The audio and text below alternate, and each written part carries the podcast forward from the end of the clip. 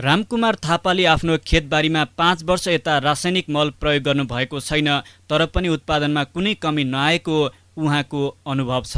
पाँच वर्ष जति भयो मैले यो रासायनिक मल युज गरेकै छैन। किनभने हामीले गाईबस्तुको मल होइन अनि हामीले यो अरू यो वनस्पतिबाट चाहिँ मल बनाएर होइन कम्पोस्ट मल बनाएर हामीले त्यो युज गर्छौँ। यहाँका अधिकांश किसान गाई भैँसी पाल्छन्। उनीहरूले बाली नालीमा गाई भैँसीको मल प्रयोग गर्छन्। कतिपय किसानले झारपातलाई कुहाएर बनाइएको कम्पोस्ट मल समेत प्रयोग गरिरहेका छन्। स्थानीय मैया थापा। सोह्र लिटर गहुँत हाल्यो सत्र लिटर पानी हाल्यो र त्यो टुप्पो टुप्पोमा हाल्ने चाहिँ मल अनि वस्तुको मोल चाहिँ धेरै हालेनौँ। अनि अलिक त्यो बनमारा बकाइनो बोजोहरू त्यो सबै अरू नै तिस बाइस सबै ल्याएर भाँडामा हालेर अनि त्यो गहुँत हालेर पकायौँ। सारीमा फेर हाल्यौँ। त्यसले एकदम राम्रो उब्जनी एकदम राम्रो गरायो फेर हालेकोले पनि। स्थानीय मखमली थापाले व्यावसायिक तरकारी खेती गर्नुभएको छ। कम्पोस्ट मल प्रयोग गरेर उत्पादन गरेको तरकारीबाट राम्रो आम्दानी भएको उहाँको अनुभव छ। मैले यतिमै पोहोर तरकारीहरू काँक्राहरू भ्यान्टाहरू तपाईँको बन्दाहरू मैले एक रोपनीमा मैले जम्मा तरकारीमा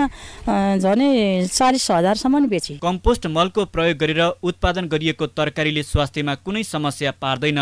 रासायनिक मल प्रयोग गरेर उत्पादन भएको तरकारी भन्दा स्वादिष्ट पनि हुने किसानहरू बताउँछन्। स्वाद मात्र एकदम टेस्टी नै हुन्छ यसको। यो रासायनिक मल युज नगरेर भन्दा जस हाम्रो यहीँ बनाएको चाहिँ मलबाट एकदम चाहिँ टेस्टमा चाहिँ एकदम राम्रो हुन्छ भनौँ न। पकाइ पनि नरम पाइयो मिठो पनि स्वाद पनि अलिक भिन्दै नै पाइयो। गाईबस्तुको मल बारी बिरुवाका लागि निकै राम्रो हुने कृषि विज्ञहरू बताउँछन् तर किसानले कम्पोस्ट मलको सट्टा रासायनिक मल प्रयोग गर्ने क्रम रोकिएको छैन। रासायनिक मलको प्रयोग कम गराउन किसानलाई सचेतनाका कार्यक्रम र कम्पोस्ट मल बनाउने सिप सिकाउन जरुरी देखिन्छ। Bikash Timalsina CIN Prime FM Kavre.